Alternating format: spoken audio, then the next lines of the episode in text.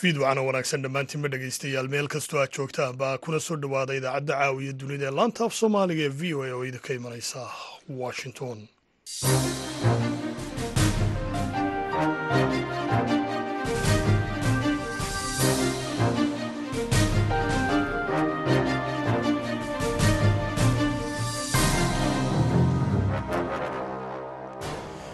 waa fiidnimo salaasaha taariikhduna ay tahay afariyo tobanka bisha maarch amaba saddexaad ee sanadka laba kun iyo saddex iyo labaatanka waxaad naga dhagaysanaysaan mowjadaha gaagaabana lix iyo tobanka iyo sagaal iyo tobanka mitirban iyo weliba guud ahaanba dunidood nagala socotaan boggayaga v o a somali com. Haatan dhegaystayaal saacadda afrikada bari waxay tilmaamaysaa toddobadii fiidnimo idaacaddana waxaa halkan idinkala socodsiin doona. Aniga oo ah cabdixakiin maxamuud shirwa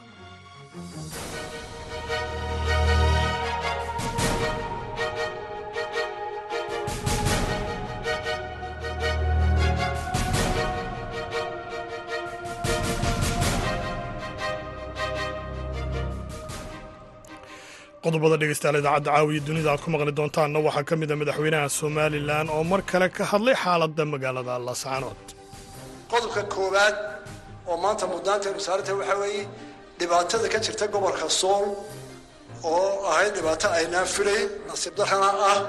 Mudnaantkooda waa inaynu xallilno dhibaatada lascaanood si nabada sidoo kale waxaad dhegaysan doontaana barnaamijkii galka baadhista oo ku saabsan cududda ururka al-shabaab weli xooggoodi waa intact lama yeeraysan karo. Hadda tiro sax ah oo hadda aan ku sheegi karaa ma jiraan laakiin xoog la yeeraysan karaa ma aha. Weli xooggoodi waa taagan yahay. Markii dambe tactical waxay sameeyeen retreat wax la dhaho inay ka baxaan meelihii ay u jeedeen ciidankan uu ku soo duulayo qodobadaasi weliba kuwo kaloo soomaalida iyo caalamkaba ku saabsan ayaad dhegaystayaal ku maqli doontaan intaan ku guda jirna idaacadda hase yeeshee marka hore ku soo dhowaada warkii dunida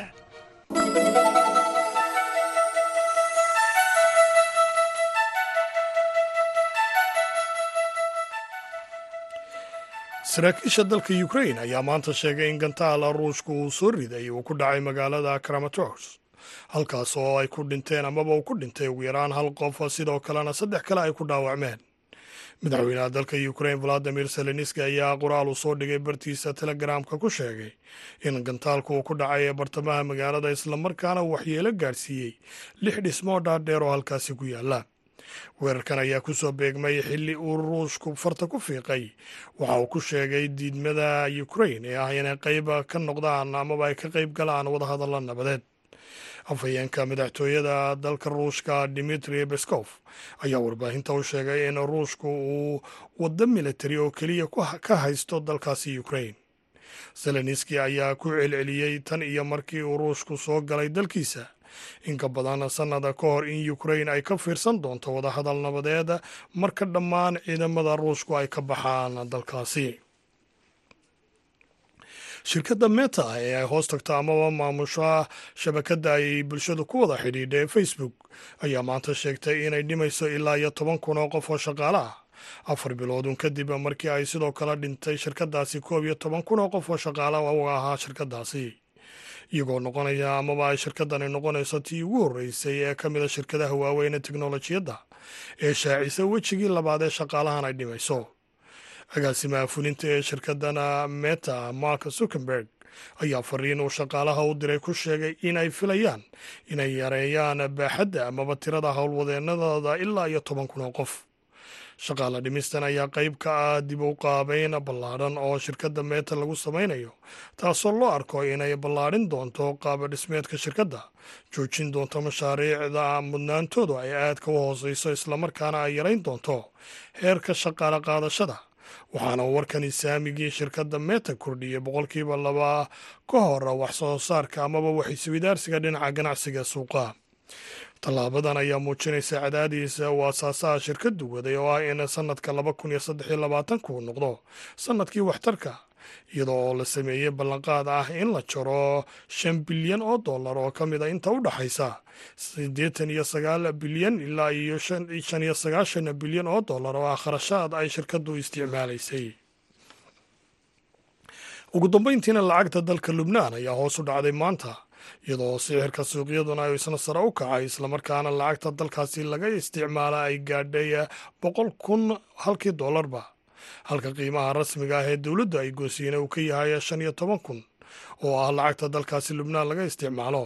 Sarifyaasha gaarka ama madaxa bannaan ayaa iyagu sheegay in sarifka suuqa madow ee lagu isticmaalo. Inta badan wax kala iibsiga dalkaasi uu gaadhay boqol kun halkii doolarba lacagta ayaa hoosu sii dhacaysa tan iyo markii ay qalalaasaha dhaqaale uu ka bilaabmay dalkaasi lubnaan sannadkii laba kun iyo sagaal tobankii iyadoo bangiga adduunkuna uu ku tilmaamay mid ka mid ah kuwii ugu xumaa adduunka tan iyo bartamihii qarnigii sagaal iyo tobnaad.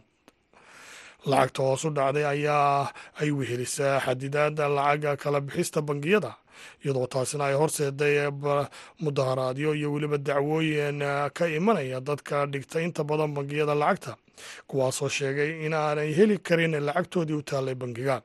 Bangiyada ayaa iyaguna salaasadii dib u bilaabay shaqo joojin ay ku bilaabeen amaba soo bilaabantay bishii februari aan soo dhaafnay horraanteedii si ay uga mudaharaadaan tallaabooyinka garsoorka ee iyaga ka dhankaa taasoo ay ku jirto amar maxkamadeed oo mid ka mid a bangiyada ugu waaweyn dalku ku bixiyo. Qaar ka mid ah kaydadka dhigaalka lacagta caddaanka ah amaba naqadka ah ee dalkaasi lubnaan laga isticmaalo. Dhegeystayaal warkii duniduna waa naga. Intaasi haatanna u diyaar garooba qaybaha kale idaacadda caawa dunida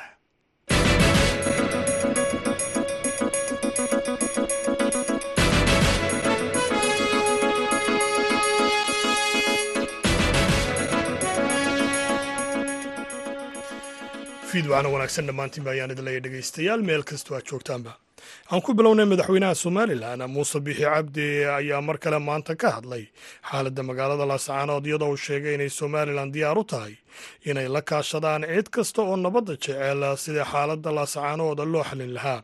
Waxaase uu ka digay faragelin dibadda uga timaada warkan waxaa hargeysa nooga soo diray khadar maxamed cakulle hadalka madaxweynaha somalilan maanta uu kaga hadlay arrimaha laascaanood ayaa ugu horrayn waxa uu sharaxay in qodobka ugu muhiimsan ee qorshe ahaan xukuumaddiisa hor yaalla sannadkan uu yahay xaaladda magaalada laascaanood ee gobolka sool.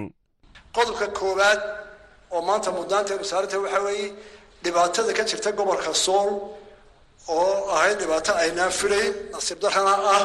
Muddaantkooda waa inaynu xallilno dhibaatada laascaanood si nabada dowlad ahaan mar walba waxaan ku dhawaaqaynay xabad joojin dagaalka inaa joojiya shuruud la'aan ciidamadana waxay isxakameeyaan qarar ahaanna aynaan ku sii soconin dagaale aynu nabad ka doonno bilowgii ilaa u dambeysay. Maanta waxayna tahay waxa joogana haloo taliyo. Nabadana laga wada shaqeeyo.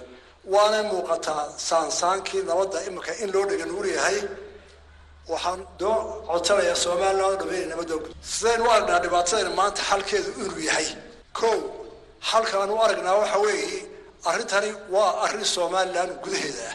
Waxa weeye gobol somalilan ka mid ah oo dadkoodii muwaadiniinta somalilan ah oo wax ka tirsanaya dowladda oo dowladda ka cabanaya oo ka gadooday waxay u baahan yihiin in loo fadhiisto la dhegaysto dowlad ahaan diyaar baanu nahay wixii ku qalloocan laga saxo wixii laga qaldaman iskaga garaabo iyaguna waxay ka qaldaman ka garaabaan waana waxaan dhammaysan karno haddaynu somalilan dhinaca kale madaxweynaha somalilan muuse biixi cabdi waxa uu ka hadlay in nabad lagu soo dabaalo gobolka sool gaar ahaana magaalada laascaanood isagoo tilmaamay in cid kasta oo nabadda jecel ay la kaashanayaan. Madaxweyne biixi waxa uu ka digay faragelin shisheeye oo uu sheegay inaanay arrintani khusaynin. Maanta waxaan leenahay arrintaas waa arrin somalilan dhexdeeda ah. Ciidda nagala shaqaynaysa nabad ee ama dowlad ah ma urura ee wanaaggeena doonaysa ee daacadnimo u talinaysana nabadda waa la kaashanaynaa oo waanu ogolnahay inuu kolka hore laakiin laga bilaabo waa somalilan oo dhexdeeda dhibaat jirtaanu caawinayna. Ugu dambaynna madaxweynaha somalilan muuse bixi waxaa isdul taagay arrinta doorashooyinka. Iyadoo dhibaatooyinka iminka sulaascaalo taagan yihiin haddana waa khasab.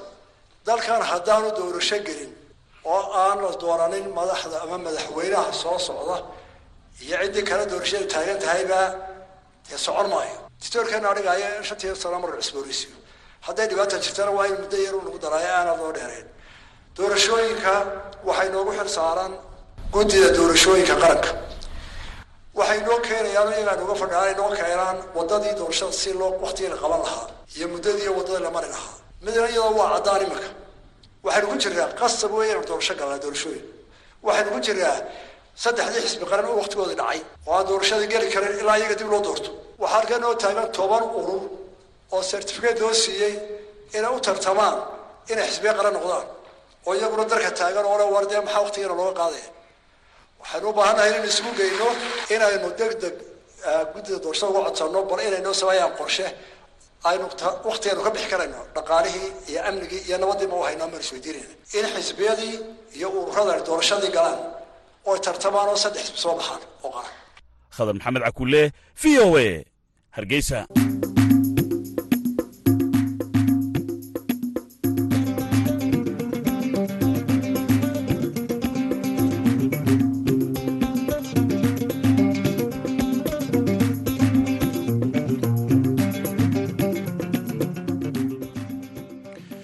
magaalada muqdisho waxaa maalintii labaad ka socdaa shirweynaha waxbarashada oo ay ka qaybgelayaan macalimiin hogaamiyayaal waxbarasho iyo weliba khubaro kale oo madax bannaan khubarada dhinaca waxbarashada ee maanta ka hadlay shirkaasi waxaa ka mid ahaa brofeser xasan cabdi kaynaan oo hore uga soo shaqeeyey hay'adda madaxa bannaan amaan idhahda hay'adda waxbarashada iyo dhaqanka qaramada midoobey ee unesco.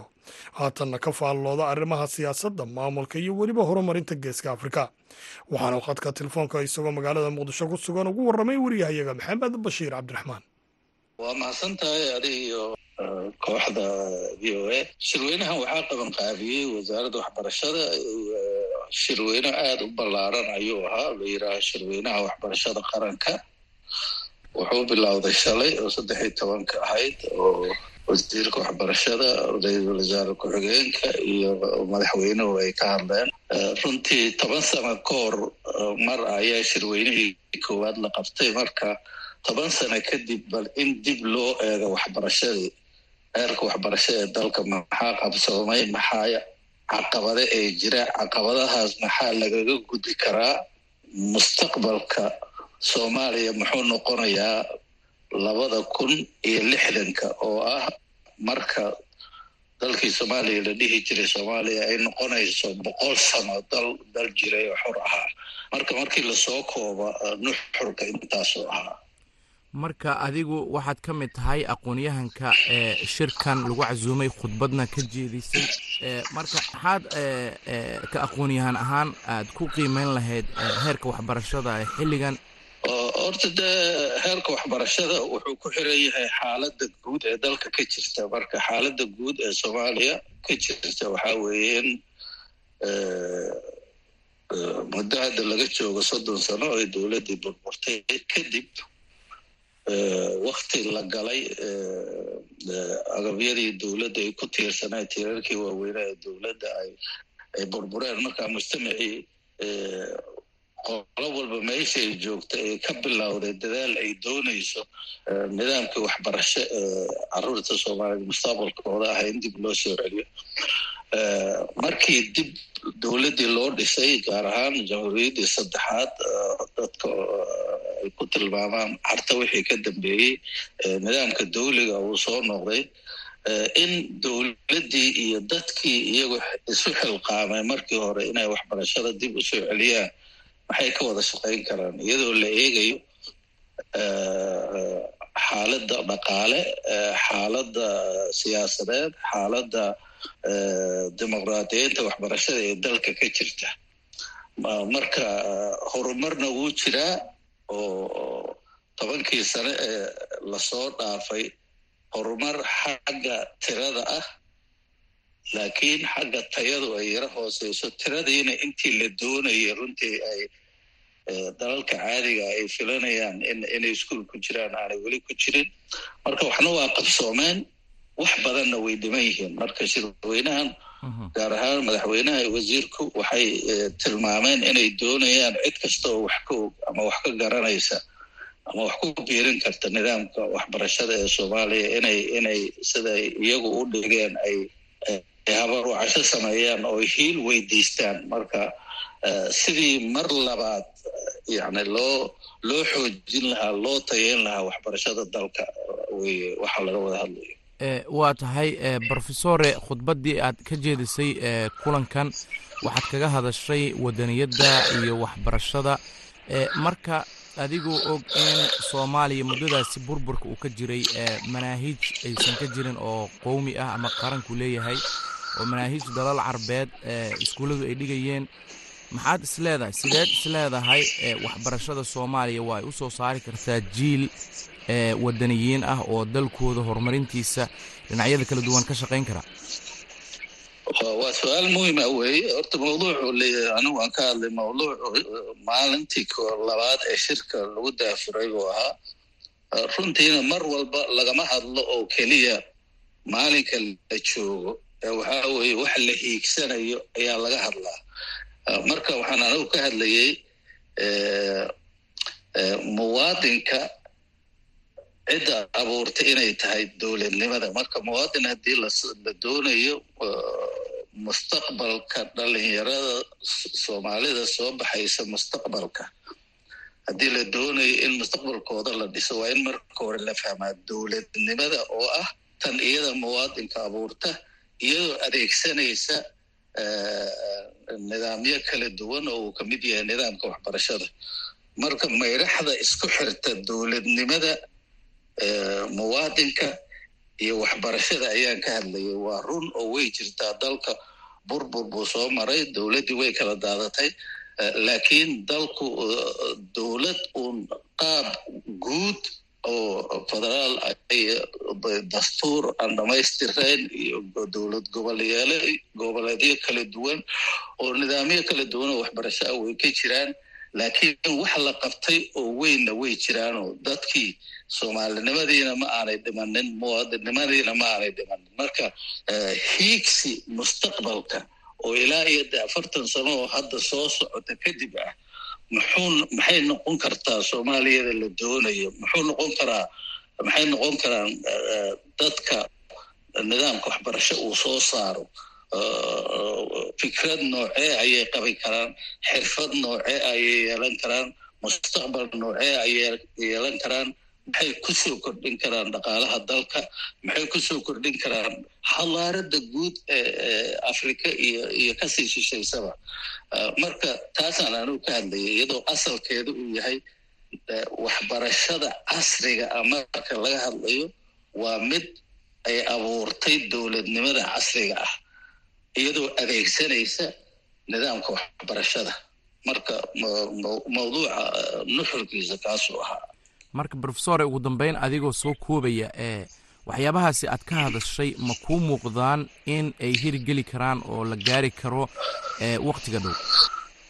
Sidaan kuu sheegay dee madaxweynaha iyo wasiirka iyo wax aragti ku salaysan oo muddo afartan sanoo soo socota ay qabteen waa run in ay caqabadahu jiraan. Laakiin mar walba bani aadamka hiigsigu ku nool yahay. Marka waa suuragal inaan la wada gaarin laakiin iyadana waxaa hubaal ah in maanta meesha la joogo laga gudbi doono oo meel ka sii fiican la gaari doono.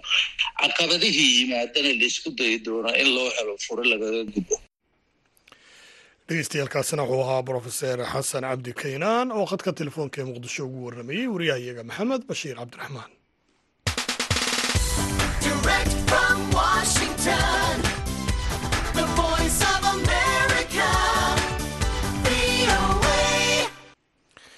Haatana dhegeystayaal ku soo dhowaada barnaamijkii galka baadhista oo inoo hayo haaruun macruuf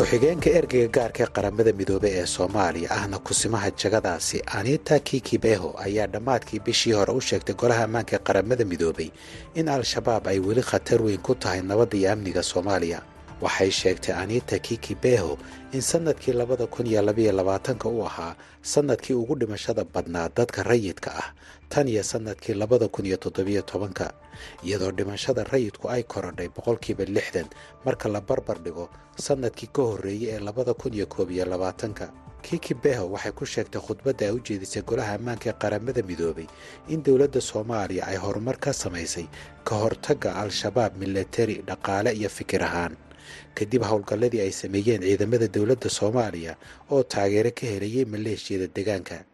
Laga soo bilaabo bishii ogos ee sannadkii hore dowladda soomaaliya waxay soo waday howlgallo ka dhan ah ururka al-shabaab oo ay ka qayb galeen ciidamada dowladda federaalka iyo dadka deegaanka ee hubaysan iyo weliba saaxiibada caalamiga ah gaar ahaan turkiga iyo maraykanka oo soomaaliya ka gargaarayay dhinaca hawada ra'iisul wasaarihii hore ee soomaaliya cumar cabdirashiid cali sharmaarke oo galka baarista warays ka siiya dagaaladan ayaa sheegay in al-shabaab ay layaab ku noqotay inay dadka deegaanku qoryaha qaadan karaan ayna la dagaalami karaan.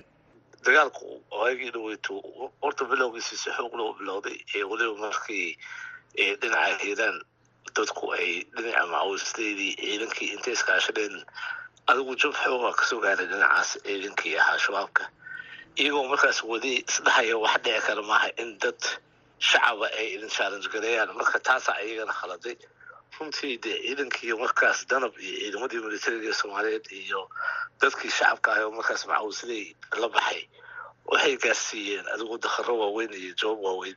Kadib waxay la tahay masaajid guduud. Dagaalkiisii wixii ka dambeeyey waxaa moodaa inay magaalooyinka ka baxayeen aysan way arkeen culeyska iyo dhibka haystay runtii gacanna dee waxay ka helayeen droniskii dowladahan aan anaga saaxiibka nahay. Markii jawaab xoog la soo gaaray adiga waxaa moodaa markii dambeeta inay bilaabeen inay ciidankooda ay baaqi ka dhigaan oo ka saaraan meelihii duulaanka lagu yahay oo dhan. Marka adigu dee jobna waa soo gaaray de jorkaas kule waa wax weyn. Haddii uusan jorkaas gaadeen kamaysan bixeen magaalooyinkaas laakiin waxaa moodaa hadda xoogaa arrintii inay iska soo qabowday. Hadda de waxaa loo baahan yahay ciidanku waxay la tahay mudday ku jireen oo hadda lix toddoba bilood ku dhawaad waa dagaalayeen hadda waxay u baahan tahay talo cusub iyo dhiig cusub in markaas ciidanka lagu zaa'idiyo dee dagaaladaasna dhinacaasna si fiican loo sii safeeyo gooladan hadda south west iyo jubbooyinkana talo cusub laga yeesho. Sidaad sheegtay howlgalkii masaajid cali guduud kadib al-shabaab laftigoodu weeraro ayay soo qaadeen waxay weerareen hilowlagaab galcad xawaadley iyo weerarkii ugu dambeeyey ee janaac cabdalle. Marka maxay tahay istraatiijiyadoodu de waxay arkeen hadda moogtahay dagaalkii inuu qaboobay oo yani awl offensive waxa ahaa ciidanka iyo dadkii markaas degaanka joogay. Hadda maadaama xoogaa yar arrintii ay qabowday waxaa moodaa inay ka faa'iidaysanayaan oo ay hadda maaragtay isleeyihiin idinkuna waxaa gaarsiisaan. Iyagoo hadda hid an ran wax lay ku jiraan oo hadda qabsashadooda waxaa ugu muhiimsan ciidan meel fadhiya inay inta helaan ay jab xoog leh isku dayaan inay gaarsiiyaan. Anu waxay la tahay dee waa dowladdu waa inay hadda dib u abaabushaa dadka iyo ciidankaba aanan sida hadda lagu fadhiya aan loo fadhin oo dib loo cusboonaysiyaa runtii offensivekii lagula jeeday dadkan haddii kaleeto nimankan hadday helaan wakti firaaq ah waxay markas isku dayayaan ciidan inay inta gaadaan ciidan meel fadhiyo markaas ayaga magaalo waxaa uga muhiimsan ciidamo inay dhaawac iyo jab gaarsiiyaan. Marka taasaysan u dhicin waa in ayaga offensiveka loo geeyaa la taliyaha amniga qaranka ee madaxweynaha soomaaliya xuseen sheekh cali ayaa dhowaan u sheegay idaacadda v o a in waddamada xuduudda la leh soomaaliya ee kale ah etoobiya kenya iyo jabuuti ay ciidamo dheeraad ah oo aan ka tirsanayn howlgalka midooda afrika ee admis ay u soo dirayaan soomaaliya si ay uga qayb galaan wejiga labaad ee howlgallada ka dhanka ah urka al-shabaab. Waxaana isagoo arrintaasi ka hadlayay uu yiri sidan.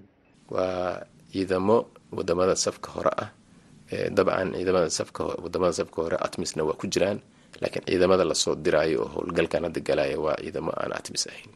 Waa gartay. Imise wadan baa soo diraya ciidamada intay leegihin saddexda dal oo noo timid oo safka hore xuduuda waxaan soomaaliya laleh saddex dal.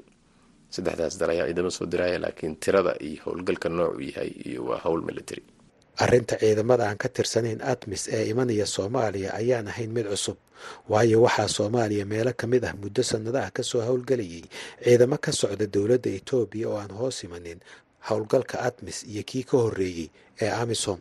Xuseen sheekh cali la taliyaha amniga qaranka ee madaxweynaha soomaaliya waxaa kaloo uu ii sheegay in ciidamadii lagu soo tababaray eritereya iyo kuwo kale oo lagu tababaray uganda ay iyaguna qayb ka noqon doonaan wejiga labaad ee howlgallada ciidamada uganda lagu soo tababaray ayaa ka mid ahaa kumanaan askar ah oo dowladda soomaaliya ay u kala dirtay uganda iyo eritereya iyo kuwo kale oo loo dirayo etoobiya iyo masar. Haddaba ra'iisul wasaarihii hore ee soomaaliya cumar cabdirashiid cali sharmaarke ayaan weydiiyey sida u arko qorshaha tababarka ciidamada soomaaliya ee waddamada gobolka iyo arrinta labaad ee ku saabsan in ciidamo ka tirsan waddamada safka hore oo aan ka tirsanayn atmis ay soo galaan soomaaliya wallaahi aragtideyda horta labada arrinba oo hadda la taliyaha amnigu sheegay waxay latahay laba khatar oo aad weyna ku hoos jirta labada dhinacba horta waa maray annaga sideenaba harun military doctrinkan military doctrinka waa muhiim adiga dal ahaan aad leedahay. Iyo dalalka aad markaas tababarka ciidanka aad u geysanaysa ma wadaagtaan doctrinka military ee adiga aad haysatid horta waa muhiim waa annaga tababaradan hadda aan u kala qaybinayno dalal kasta. Yacni ciidan doctrin kala duwan inay berita yimaadaan oo ciidan xala noqdaan waa ku adkaanaysaa caqabadayna ku noqonaysaa dalka. Haddaanan hadda annaga aynan kala saarin military doctrinkeena wuxuu yahay. Iyo dalalka aan u dirsanayno yacni dal aan democracy ka jirin ciidanka ku tababaraya iyo dalka soomaaliyeed oo system federal iyo system democracy la ciidanka inuu ku hoos shaqeeyo way kala duwan tahay. Marka aniga waxaan qabaa horta arrintaas in laga fiirsado tababaradan laiska geenaya dal kasta in aan anagu horta inta doctrinkeena fiirino qeexno kadibna dowladaha aan isleenahay waa wadaagtaan doctrin in ciidamo loo dirsado. Taas waa iga talo tan labaad oo aa sheegtay ee ciidamadan admis aanan ahayn. Miyo arrin ayadan khatarteeda leh. Waa qabaa waagi dhaweyto iyaga afartan madaxweyne ay halka ku shireen in arrintaas la gaaray. Laakiin waxaa moodaa inay ku eg tahay hadda madaxweynaha soomaaliyeed iyo madaxweynayaashaas go'aanka ay gaareen iyo taladii ay gaareen aysan usu dirin ciidanka sideeda oo soo gelaya haron rules of engagementka ay ku soo gelayaan dalka waa in la ogaada. Waktiga iyo waxa rules of engagementka yihiin. Haddaan la ogaan oo hadda golo wasiire iyo baarlamaanka aan la marsiin dee qof berito dhiig ku daadiya waa kula yeelan dalka waa garta. Marka inay sharciyad xeerinayso soo gelitaankooda ana waxay la tahay inay muhiim u tahay annaga mustaqbalkeenna iyo iyo iyo badqabkeennaba sideedaba ciidan oo yacni hadda aanan dee shuruuc ay ku soo gelayaan aan jirin isku soo gelaya ana waxaan qabaa inay leedahay khatarteeda. Arrintaas waxaan qabaa in madaxweynuhu uu arrintaas golaha wasiirana la geeyo baarlamaankana la geeyo. Tirada intay la eg tahay ciidanka soo gelaya rules of engagementkooda wuxuu noqonayo ilaan ciidan lala xisaabtan kara ma yihiin haddii ay khaladaad geystaan mise waa ciidan aan lala xisaabtami karin waxaasoo dhan waxay u baahan tahay in la qeexo. Howlgallada milatari ayaa ilaa haatan xooggoodu ay ku koobnaayeen maamul goboleedyada hirshabeelle iyo galmudug jubbaland waxay bishii janaayo sheegtay inay qabsatay deegaanka janaac cabdalle oo noqonaya tallaabadii ugu horreysay tallaabooyin milatari oo xiriir ah. Al-shabaab oo weerarkaasi ka falcelisay waxay toddobadii bishan weerar culus ku qaadeen janaac cabdalle. Maamulka jubbaland ayaa qiray in shan askari ay ka dhinteen ciidanka la soo weeraray. Al-shabaab waxay sheegeen dhinacooda inay dileen siddeetan iyo sagaal askari ayna qabsadeen labaatan baabuur. Sheegashadaasi oo aan si madax bannaan loo xaqiijin gobollada kale ee dalka ee al-shabaab ay ku firfircoon yihiin waxaa ka mid ah maamul goboleedka koonfur galbeed mid ka mid a mas'uuliyiinta koonfur galbeed. Guddoomiyaha gobolka bakool maxamed cabdi tool ayaa galka baarista u sheegay inay iyaguna dhinacooda diyaar garoobeen. Koonfur galbeed wakti dhow ay bilaabaysaa waana diyaar garowday meelo badan oo maxay ato oo ciidamo lagu diyaar gareeyaa jira. Sida elberd oo kale sida baydhabo oo kale ciidamo fara badana la diyaariyey waktigii hadda maxay ato oo gobollada kale ay ka bilaabeen xoogaa dib u dhacan u dhacay laakiin hadda waxaa weye waa diyaar garownay.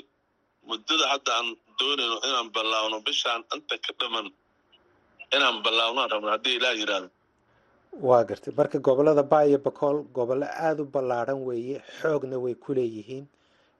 Sideed arrintaas uga hortegi kartaan ama ku wiqi kartaan? Wallaahi walaalkay horta waa sidaa rood sheegaysa run waaye. Dhulka waa ballaaran yahay hiiraan inta udhexaysa gedo inta udhexaysa waaye dhulkaas intana elbert intana baraawo inta udhexaysa waaye dhul ballaaran waaye laakiin waxaa weeye isxilqaan haddii la muujiyo oo maxayto ay dadku ay dadaalaan waa laga hortegi karaa. Dowladdana caawinaad badan bayna siin doontaa insha allahu siday sheegeen dowladda federaalka. Koonfur galbeedna ayadana waa ku talgashay wixii maxayto oo oo brogram ay ugu talgashay waa diyaarisay. Haddii ilaah yidhaahdo waxaan rajaynaynaa inaan wakti dhow aan bilaabi doonno oo aanad ka guulaysan doono insha allah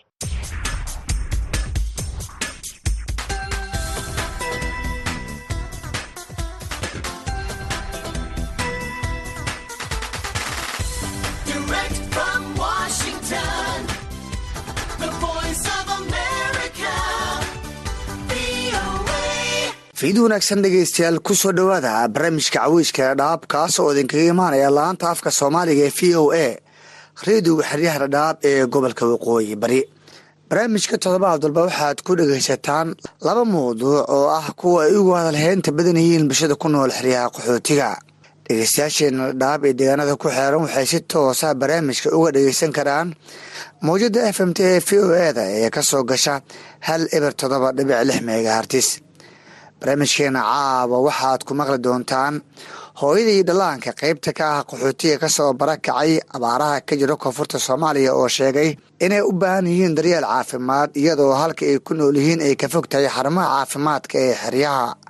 Sidoo kale barnaamijka waxaa qeyb ka ah qaxootiga ku nool xerada xagardheer oo ka waramay cariiri ay sheegeen inuu ka jiro goobaha raashinka lagu siiyo qaxootiga ku jira xeradaasi.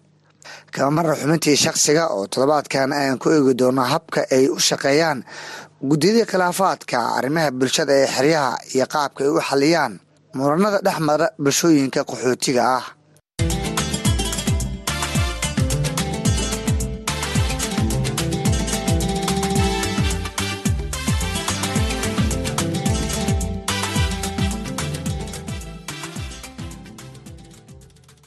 barnaamijka waxaa idinla socodsiinaya anigoo ah cabdisalaan axmed cabdisalaan salas haddii aan ku bilaabo qodobka ugu horreeya bilihii la soo dhaafay xeryaha waxaa soo gaarayay qaxooti u badan carruur iyo haween kuwaas oo dhibanayaal u ah abaarta ku dhufatay koonfurta soomaaliya. Iyadoo qaxootiga nololdoonka ay ka muuqato macluul iyo gaajo ba'an ay ka soo gudbaan xadka ay wadaagaan dalalka kenya soomaaliya si ay u helaan gargaarka samafalka ee la siiyo. Qaxootiga ku jira xeryaha barakacyaashan u badan carruurta iyo haweenka ayaa saldhigtay buulo bakti oo ah goob aan lahayn isbitaal u gaar ah oo lagu daaweeyo carruurta iyo haweenka ku jira xerada taasoo adkaysay nolosha qaxootigan cusub. Qaar ka mid a haweenka abaarta ka soo barakacay ee ku sugan deegaanka buulobakti ayaan ka wareysanay baahida ay u qabaan adeegyada caafimaadka. Waxaan ka yimid wareegta magaceydana xaawo xasan cabdiraxmaana la dhahaani dhibaatooyin fara badan ba meeshan ka taagan. Biyi ma haysana baad waxan qumano aan haysan male. Isbitaal ma haysana noloshin nafaqad unika ataa aan haysan male. Ilmaha meesha markay xanuunsadaan meel loola aadahay male. Isbitaal qumano aadayna male. Biyihii biyaha ahaabaan yaaba qaliil u galnay. Waa tahay xaawo halkeebaad ka soo barakacday ood ku nooleed? Waxaan ka soo barakacay soomaaliyaan ka soo barakacay ilaa iyo wareegta baan ka soo barakacay waa sida meeshaan ka imaaday. Goormaa timid xeryaha? Jimacdii dhaweed jimcadeeda baa imaaday sida dhibaatadaasyaana hays. Waa tahay caruurtan dhibaataysan oo dabcan daalka badan oo ka muuqanayo. Markaad keentay daryeel iyo daawo ma heleen. Wax isbitaal oo nika aan halle male dhibaatadii aan ku imaanaa yaa naga taagan. Isbitaal ma hali oo wax daawo ahoo nafaqa oo unika aan halnay maleh oonka dhaarid nooe waa sida waan waa rafaasan hooyo rafaasanaan ilmo caana aan la siinayn oo naasaha wax ugu keenayn wax jidinkii anta ahaa la marinaya yaan lahayn. Dhibaatooyin fara badan baan meel looga xagaagahay maleh intee fadhida haddaan nidhi meel aan garanayni maleh waa sida dal i meel aan garanayni maleh haddan baa imaane oon iyo rafaad iyo dhibaatooyin unbaa naga muuqdo waa xaawo caruurtan daalka badan oo ka muuqanayo bal ka waran walulka iyo walaaca aad noloshooda ka qabto. Oo unika aan unay haddana na siiyo aan halnay maleh anagaaba baahan caruurtiaa baahan. Waa sida biyihii noloshii biyihi ahaaba waxay islaan ka soo qaadanayn noloshii biyaho ahaa waxa looga karyaaba la garin la'ay qabays maxalaan xanuun iyo shuban way hayaa. Hergeb dhibaatooyin fara badan baa haya daryeelay u baahan yihiin isbitaal ay u baahan yihiin meel loola ordahay ma leh. Waa sida dad rafaadsan baana eedaan wax ka odsanaynaa nolol inayna noo yeelaan rabnaa. Aruurtii nafaqa ma haystaan. Inaana noo nafaqayaan rabnaa. Waa sida nafaqaa u baahan aamane gaasim nuur. Dad soomaali ku imaadi baahnaa hayn bannaanka oonka nahaayo rafaad isbitaal la'aan e kashag arinyo hanuunka jaro isbitaalan lahayna daawada naftigashamagi hanuunka kogabooda haraabti layla aadama hamiinka wali kogabooda miraad ku aad deerasan lahayna nambarsheeda toyta magaad herlo meel ada tilmaamasan lahayna intee banaanka layla raawma xaafad ada shagaasan lahayna degegna nka darombi la'aanga ana warkii jaro. Dhul dabayla ayaa degan tihiin. Caruurta xaaladooda ka waran maadaama xilli kuleel lagu jiro biyola-aan ay jirto. Aruurta made hanuunsanyiin hergeb waa jara hanfar waa jara hanfarni jara hanuun jara isbitaalka noordheeriya dhibaatooykaasaan ahaayeen bii la'aan ninkabiinta hore boosta la'aanna ninkabiinta waa tahay dabcan halkee baa la aadan carruurta markay xanuunada ka qabtaan ama habeenkii qof ka mid haweenkan ay fool qabato habeenkii markii ha ka imaato markii nambarshaada dirto ambalaas nambarshaada tasto balooga baan lahayna banaanka lay araana ilaa waa ka bariilay haafada lay ku dhalaasa dhiig bataa dhiig baa neeba haafada lay ka dhalaas ma miiliin qaaraw injarna dhibaatooyinkaas ana lahaaya. Isbitaalka isbitaala aan baahangna haddiina nin hal isbitaal degdeg e ibi aan ahnayta bi degdeg e wal kastaba aan baahangna dhibaatooyinkiina sheeniya qabneha caruurtii soomaaliya ku sheegni dhibaatooyinka unu lakoyni qabno wal kastaba unan baahagna hun guriga nahaay dheeradnin eyi warkaasa nahaay nolol degdeg asiinku fadaan. Nafaqa daro nafaqa daro ku tabi rinyo miloodan ku sheenasan lahayna shaqada hay'adadan wadanka soomaaliya kenyadadan nol qobsana berki shaqadiian ku bilaaban unan korodaan na nahaayta re isbitaal aan baahagna intiina isbitaal inin sameey bina nin weydi warkaas aan baahagna aad bay u mahadsan yihiin kuwaasna waxay ahaayeen codadka qaar ka mid a haweenka abaaraha ka soo barakacay oo igu warramay gudaha xeryaha. Shamse cabdiyarow waa hooyo dhashay toban carruur ah oo ay qayb ka tahay gabadheeda oo xanuunsan ay ka soo kaxeysay. Caasimada muqdisho si ay gargaar caafimaad ugu hesho xeryaha waxay ka waramaysaa baahida ay u qabto daryeelka caafimaadka iyadoo ka walwalsan xanuunka ay la nooshahay gabadheeda yar. Magaceyga waaye shamso waxaan ka soo barkacay muqdisho. Waxaan imaaday qaxootiga dhagaxleey qaxootiga markaa imaanay dhib rafaad fara badan iyo daal aa ku imaanay meesha. Ilma agoona wataa aabood qarax lagu waayey oo toban carruur ee gabar xanuunsan oo wato oo beed ku jiro keliyaa laga haayo rafaad iyo silax biila-aan kuu dheer ilmihii xanuunsan daawla-aan kuu dheer gaajada ka muuqata rafaad wax maanta ku garab taagan lahayn ani ka sokow ilaahay ka sokow sugayaan oo meeshii haddaa imaanan shaqo lahayn. Rafaad silac alxamdulilaahi rabbilcaalamiin wax ilaah noo keena waaye. Kuley waa rafaadsannahay haddaa wax noo qaban kartiin hay'adaha oo tihiin oo daryeel fara badana u baahannahay gurmud fara badana u baahannahay waxaa rabnaa in gurmud noola fidiyo. Daryeel fara badan walaalihina aan ku codsanaynaa inaad daryeel iyo gurmud fara badan noola soo gaaraan insha allah waa tahay walaal carruur badan ayaa wadataa oo dabcan aada u dhibaataysan. Duruuf adagna ay ka muuqato. Bal ka waran markaa adeega caafimaadka oo halka aad ka hesheen. Wax adeeg caafimaad aan ka helna malahan gabara igu sii daran oo keliya laga dhaqayo laga buufinaayo markaa meesha imaanana xanuun saa'id ee dareenta markaa meesha isbitaalaadka aan la aadana micnaha takhtar keliya meeshan lagama helo oo lii dhahay keliya takhaatiir oo u qaabilsan meesha lagama helo laakiin takhaatiir caadi oo micnaha oo caawinaad oo micnaha oo hoogo kaniin xanuun baabiyi ku sugi kartale laga sii karo. Dhaqid iyo meelahaas wax loola aado hadda iyo hadda kadib in loo raadi mooyaane hadda ma heli karna igu dhaheen gabar oo kaadida marba ka soo bixeenna ii joogto kaadida saa'id dhibaato habeen iyo maalin xanuunka oo saas u dultaaganahay oo xanuun baabi'aas ka ahayn wax kale la siinayn. Daryeel caafimaad marka gudaha xeryaha kama helin. May wax aan ka helna malahan ilaa iyo hadda daryeel caafimaad. Gabadhii waa ii taalaa. Waa tahay dhinaca kale ka waran carruurta yararka ah ee walaacaad ka qabto maadaama aad tahay xaas ballaaran xeryihiina ku cusub. Caruurta saa'id way dhibaataysan yihiin qandhaa jirto hirgawaa jiro shuban laba beer kadib ilmihii calool xanuun shuban. Qandhada hawada kuleelka u sii dheer meel aan ku harsana ma lahan hal oo buush yaraa noo dhisan hadda ma lahan meel balbala hataa ku hooyna oo ku harsana ma lahan musqul hataa ma haysano gabar xanuunsana io taal waa rafaadsanaa ilmihii way rafaadsan yihiin daryeel la'aan daawo la'aan taasaan aana haysato waa tahay haydaha samafalka maxaad ka codsanaysaan maadaama haatan aad xeryaha soo gasheen misna aad u baahan tihiin in gargaar iyo adeegyo caafimaad ay heshaan.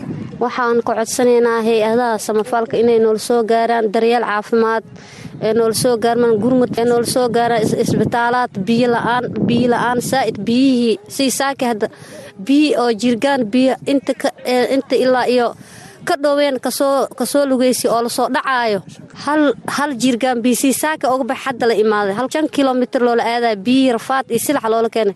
Biyihii ilmaha siinee ma ugu qabeyne mahashaha ugu karne rafaadkaasaana haysto oo silacaas biyo la'aanta soo kama cabsi qabtaan. Caafimaad dara inay ka dhalto haa caafimaad dar way ku dhalna ilaa saxarada ilmaha markuu saxrooda waxaa ugu dhaqdad maysid ilmihii waa oomayiin waxaa siisa ma lahan. Kuleelaa taagantaha rafaadaa ku jirtaa caafimaad daro hadda meesha inay ku dhalinayso madiide way ku dhalinay caafimaad daro qandho hergab shubankaaba dheereenba daqiiqad cuniga calool majiir ku soo boodaya hal caag biyaha xaafada ku soo barinaya halka caag biyaha haddaa siisana kuleel waay biyihii asaa kulul. Shubanay ka sii qaadaan shubana ku sii dheerbo marka isbitaala u baahannahay daryeela u baahannahay daawa u baahannahay hay'adaha waxaan ka codsanaynaa si deg deg inay gaaraan gurmud deg deg noola soo gaaraan ka codsanaynaa good caafimaada u baahannahay biyo waa u baahannahay booyada inay noo keenaan isbitaalaad noo soo dhaweeyaan taasaan ka codsanaynaa insha allah aad bay u mahadsan tahay shamse cabdi oo ka mid ah qaxootiga cusub oo iigu warantay gudaha xeryaha dhadhaab ee gobolka waqooyi bari. Dhegeystayaal halka aad nagala socotaan waa laanta afka soomaaliga ee v o a waxaana dhexda kaga jirnaa barnaamijka caweyska dhadhaab oo toddobaadkiiba mar aad ka maqashaan warbaahinta v o a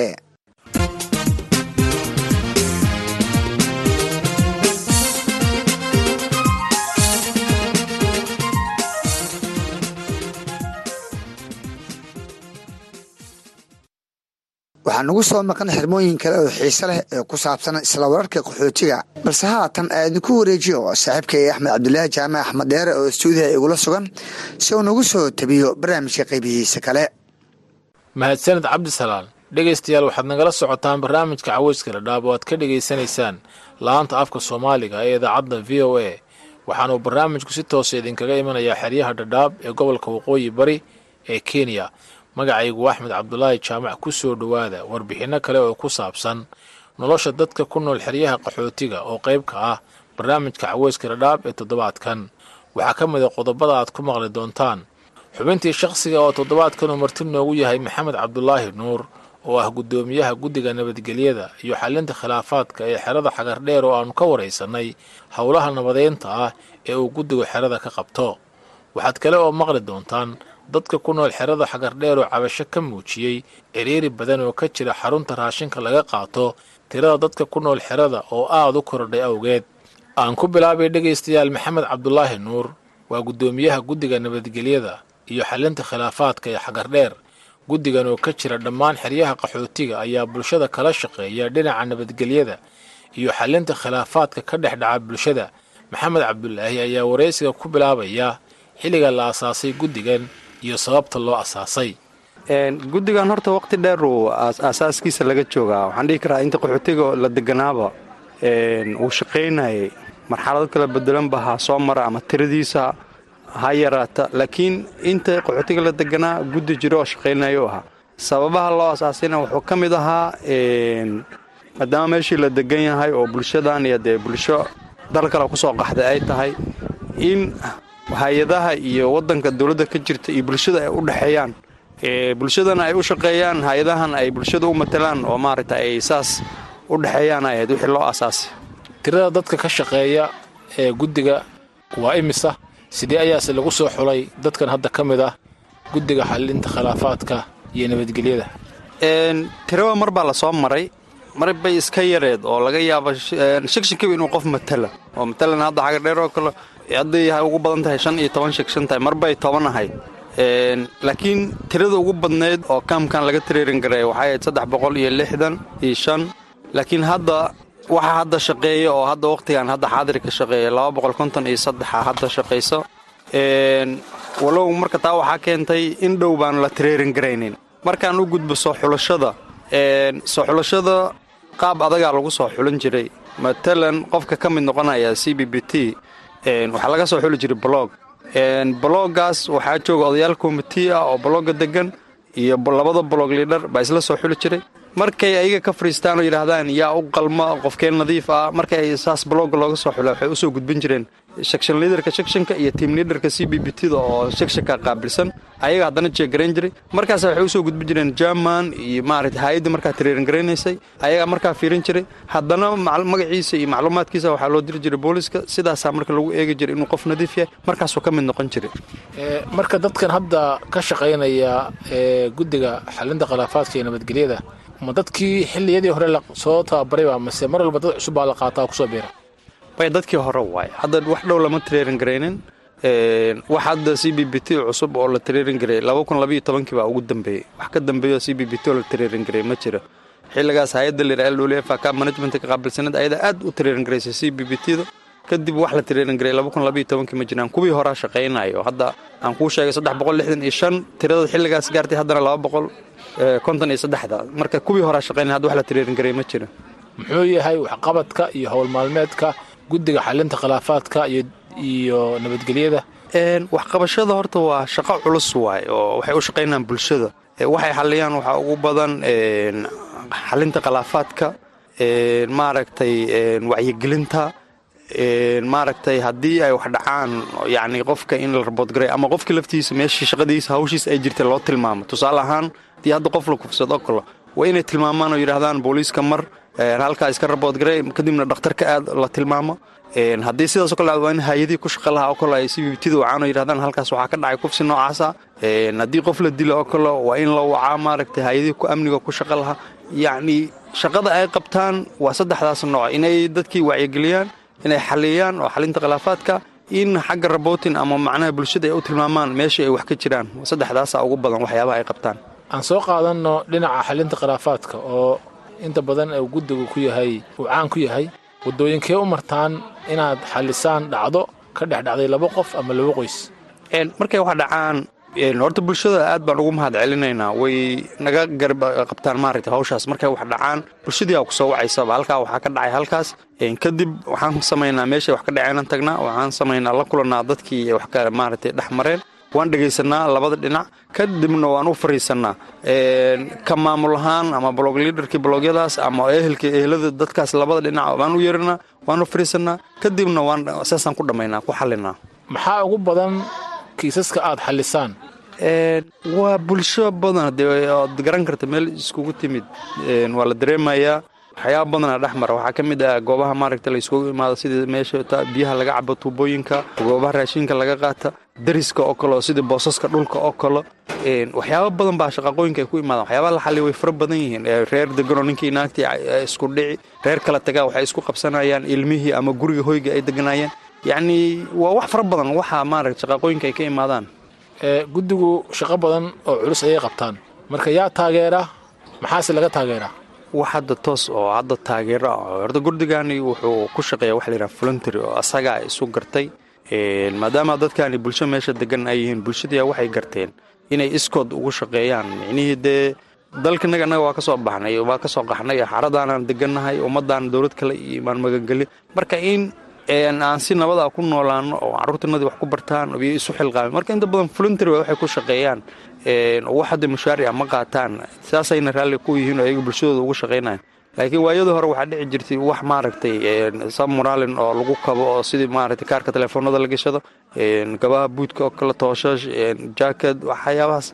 Wixiina hadda dhowr sano lama haaya marka lama dhihi kara marka waxbay hadda qaataan. Si free bay ku shaqeeyaan waxyaabaha ee aan aadka u badnayn laakiin lagu taageeri jiray oo agabka ahaa ee aad tiri ilaa xilli dheer hadda maanan arkin. Maxaa ku dhacay? Markaad weydiisa waxay ku dhahayaan budget crisisaa dhacay lama haayo. Inta badan dhaqaalo darre unbaa loo maaragtay nasbaynayaa marka lama hela hadda taa ayada ma hayno. Wada shaqaynta idinkala dhexaysa bulshada aad u shaqaynaysaan iyo dowladda oo iyada lafteeda qayb ka ah dhinaca nabadgelyada. Waa sidee aad bay u sarraysaa oo bulshadii way noo yaqaanaan shaqada. Markay wax dhacaan way kula socodsiinayaan halkaas telefoonay kugu soo wacan waxay kule halkaasay wax ka dhaceen. Dhibkaasaa taagan halkaasaa laysku dagaal tuubadaasaa laysku dagaal meesha way kuu sheegayaan. Marka aad bay nooga caawiyaan. Markii aan u yeeranana oon la fadhiisanana inta badan way naga garab siiyaan marka aad bay bulshada nooga caawisaa arrintaas. Talada aad u jeedinayso dadkan aad u tahay guddoomiyaha guddigooda dib u heshiisiinta iyo xalinta khilaafaadka maxay tahay oo ku saabsan dhinaca amniga iyo wada noolaanshaha waxaad garan kartaa horta nolol kastaba waxaa aasaas waa amniga. Haddaadan amni haysanin yacni noloshaada ma hagaagsana sababtoo ah haddaadan amni haysanin hurdo fiican ma qaadanaysid. Haddaadan amni haysanin wax ma baranaysid caafaad ma helaysid. Marka waxaan dhihi lahaa qof kasta sidii uu noloshiisa iyo waxbarashadiisa iyo caafimaadkiisa u hel ha ka qayb qaata amniga. Yacni qof gooni ayaana lagu hadlaynin waxa ugu badan oo bulsho hadda ay ku wada noolaan kartaan waa amni in la helo. Marka waxaan ka codsanayaa in amniga layska kaashado. Kaasi waxa uu ahaa maxamed cabdulaahi nuur guddoomiyaha guddiga nabadgelyada iyo xalinta khilaafaadka iyo xagardheer oo marti iigu ahaa xubinta shakhsiga oo qayb ka ah barnaamijka caweyska dhadhaab ee toddobaadkan. Geesta kale dhegaystayaal dadka ku nool xerada xagardheer ayaa aad uga cabanaya culays ka haysta xarunta raashinka deeqda laga siiyo. Waxaa xarunta ka jira ciriiri aad u badan waxaana mararka qaar ka dhaca dhaawacyo ay saabaan dadka oo isjiira marka ay xarunta gelayaan. Muuse cabdi axmed oo ka mid ah qaxootiga muddada dheer ku noolaa xeryaha ayaa ka hadlaya culayska ka jira xarunta raashinka laga qaato. Anigu saakadaa waa tegey. Dhibaatada meeshaa ka jirtay meeshan horta saaka xilligaa aan tegey salaaddii subax baan tegey. Markii aan tegey dadka meeshaa joogay ilaahay umbaa xadidi kara. Dadkaasi dumar iyo ragba u badnaayo.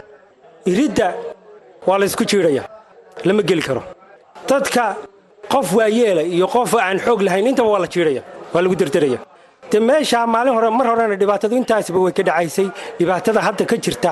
Mid aynu soo koobi karno maaha. Midaan kow iyo laba toonna odhan karna maaha. Hadda saaka mar dhaweed waxaa yimid dad yidhi waaba ka quusanna wa iskaga tag. Markaannu aragnay meesha afar saac siday ahayd aniga waxaan tegey xilligii aan salaada subax xilligaa albaabadu way xidhnaayeen. Iriddaa markaa laga sii daayey waa lays jiidha markii kabacdi waa la xidhay qaar baa dhulka ku dhacay. Waana xilligii ugu horreeyey waa dadkii ugu horreeyey galay. Dhibaatada markaa meesha ka jirta dhibaato aan caadi ahayn weeye. Waana aad baana loogu cadiban yahay. Muuse waxa uu qabaa in ciriiriga badan uu keenay dadka tirada badan ee ku soo biiray xerada iyo maalmaha la qaato raashinka oo aan la kordhin ee ah siddeeddii maalmood ee la qaadan jiray intii aan qaxoontiga cusub xerada laga diiwaan gelin. Boonaa arligii qabsatay iyo dad qaxootiyo cusub. Dadkiina siisam iyo nidaam looma kala samayn. Dadkii horena wolfarool buu ahaa xeradu way buuxi markaa dhibaatada waxa keenay dadkan cusub ee boonada la siiyey. Dadkiina xal looma samayn. Marka hay'adaha anigu waxaan leeyahay kolley waxa ugu badan ee hadda dhibaatadu ka taagantay waa boonada. Boono xooglaa la bixiyey dad xooglaa la bixiyey waxani kuma filna. Qaxootigii hore sideed waxtee haddii la eego aanay ku filnay laakiin bal haba iscidhirtada sideedda casho qaxootigii hore? Dadkan cusub wakhti bay u baahan yihiin waa xere xere dul saaran. Maalmaha marka ama in la kordhiyo ama qaxootigan meel loo sameeyo. Qaxootiga cusub oo iyagu haysta kaarar hordhaca oo ay raashinka ku qaataan ayaa ciriiriga iyo culayska la wadaaga qaxootigii hore xerada ugu sii noolaa siinab cabdi warsame oo ka mid ah qaxootiga cusub ayaa sheegaysaa inay dhibaato ku qabaan qaadashada raashinka deeqda ah. Meeshii faylkeedu wuu nagu adkaaday waxaan ku qabnaa dhib badan. Jidkii baa la mari layahay raggiyo dumarka lama kala saaraayo waxaway korkaa layska marayaa kii dadkii hore kaarka lahaa iyo dadkeennii boonada lahaa aad baan iskugu dhibanahay waayo lama kala leexinayo wax ixtiraama looma samaynayo. Raggii dumarka hal mar baa la sii wada deyni ninkii xoog lahaa ninkii xoog yaraa dushuu ka maraya marka dhibtaasaa jirto meel biyo laga cabo maleh maxaan ku rahdaa meel oo maxaan ku rahdaa qofka hadduu kaa xanuunsado aad jiifiso oo daqiiqada lagugu sugi kara maleh ambalaas ku imaanaysa u shaqaynaysa maleh walaahi walaalo dhib baa lagu qabaa meeshaas aad baa loogu dhiban wax badanaan kala kulanaa baahanahana dhibta qaba noo keenayna la dhahaa farahay ka bateen baa la dhahaa. Ixtiraam gaara looma sameeyo oo xitaa anaga boonaleyd haddaan nahay gaar waxna looma siiyo oo maaragtay maalin gaara ma lihin marka waa laysku dhib qabaa aad baa dadkii kaarka lahaa iyo dadkii boonada lahaa layskugu dhib qabaa. Dhib kalena waxaa keenaya badnaanta laysku batay oo dee laga yaaba maarata maalintii intaasoo kuna qof inay soo faysho. Saynab ayaa codsanaysa in qaxootiga cusub ay ka mid tahay loo sameeyo meel u gaara oo ay raashinka ka qaataan ama maalmo gaara oo iyaga raashinka la siiyo. Waxaan codsanaynaa inaana loo sameeyo meel aan degno oo maxaan ku rahdaa dibidejina loo sameeyo oo maxaan ku rahdaa faylkana loo hagaajiyo oo system aan meesha ku galno oo dee dadkii aan wax u gaarin kii waardiyaana wax u gaarin kii wax qaadanayna wax u gaarin naloo sameeyo. Saasaa codsanay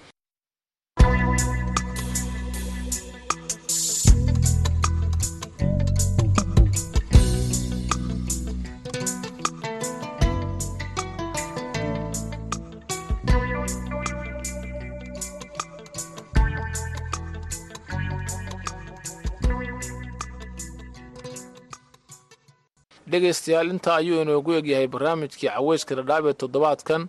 Intaanan ka bixin aan mar kale dib idinku celiyo. Saaxiibkay cabdisalaan axmed cabdisalaan salas oo barnaamijka ila daadihinaya mahadsaned axmed dheere dhegaystayaal haatana nala dhegaysta heesta toddobaadka